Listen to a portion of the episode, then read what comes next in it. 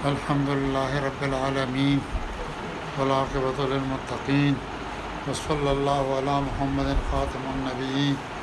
وعلى جميع الأنبياء والمرسلين اللهم صل على محمد وعلى آل محمد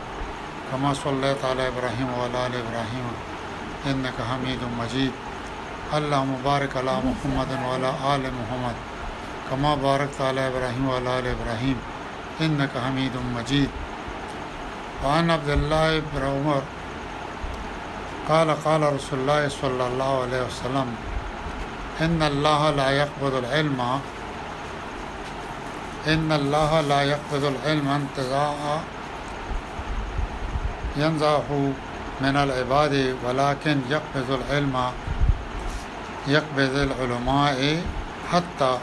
اذا لم یقد عالما اتخذ الناس رؤوسها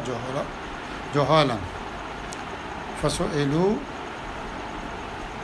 فافتوا بغیر علم فدولوا وادولوا عبد الله بن عمر رضی الله تعالی عنہ روایت کړي وایي چې رسول الله صلی الله علیه وسلم او فرمایل چې الله تعالی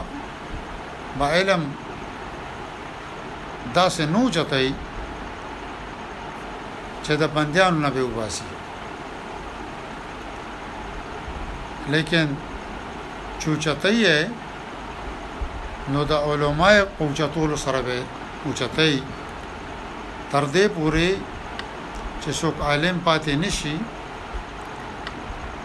نو خلق با خپل مشران جاهلان جوړ کړي او مسلې به د هغوی نه تپوس کوي هغوی به بغیر د علم نه فتوی ور کوي پس په خپل هم گمراهي او نور هم گمراه کوي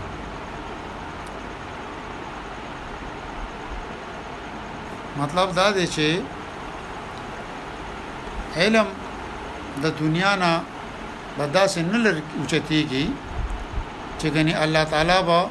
د خپل بندیانو نه علم لري کی علم به نه لري کېږي بلکې علما به لري کړی شي علما به اوچت شي علما به ختم شي او چې کله علما ختم شي نو خلک بیا خپل مشران او خپل فیصله او خپل مسلې جاهلانو نه تاسو کوي مشران به جاهلان جوړ شي چې علم به ورسره نه وي، بې علمه به مشران شي او د هغوی نه چې څه مسئلې تپوس کوي نو هغوی که څه فتوا ورکوي بغیر د علم نه به ورکوي نو هغه په خپل هم ګمراه وي ولې چې علم وسره نشته او نور هم ګمراه کوي په دې سره وان شقیق رضی الله تعالی عنہ قال كان عبد الله ابن مسعود يذكر الناس في كل خميس فقال فقال له رجل يا أبا عبد الرحمن لودت أنك ذكر ذكرتنا ذكرتنا في كل يوم قال أما إنه يمنعني من ذلك أني أكره أن أملكم وإني أتحولكم بالموعظة كما كان رسول الله صلى الله عليه وسلم يتخولن بما مخافة سامة بما مخافة سامة علينا متفقا علیه شفیق رضی الله تعالی عنہ روایت کوي چې عبد الله بن مسعود بدا زیارت پر جمعرات پر خلکو ته نصیحت کو نو یو سړی ورته وي چې اے ابو عبدالرحمن مونږ دا دوست غنو دا خوخو چې هر ورځ مونږ ته نصیحت وکړي شي مونږ ته هر ورځ نصیحت کاوه نو هغه تو فرمایل چې خبردار ما د دې خبرې نه په دې وجه رکاوېږم چې زه دا مکروه ګڼم چې تاسو تنگ کړم او زه خبر ساتم د نصیحت سره څنګه چې رسول الله صلی الله علیه وسلم زمون خبر ساتلو د دینه چې مونږه تنگ شو یعنی زمون د تنگېدو د خوف د وجه نه با هغه هر وخت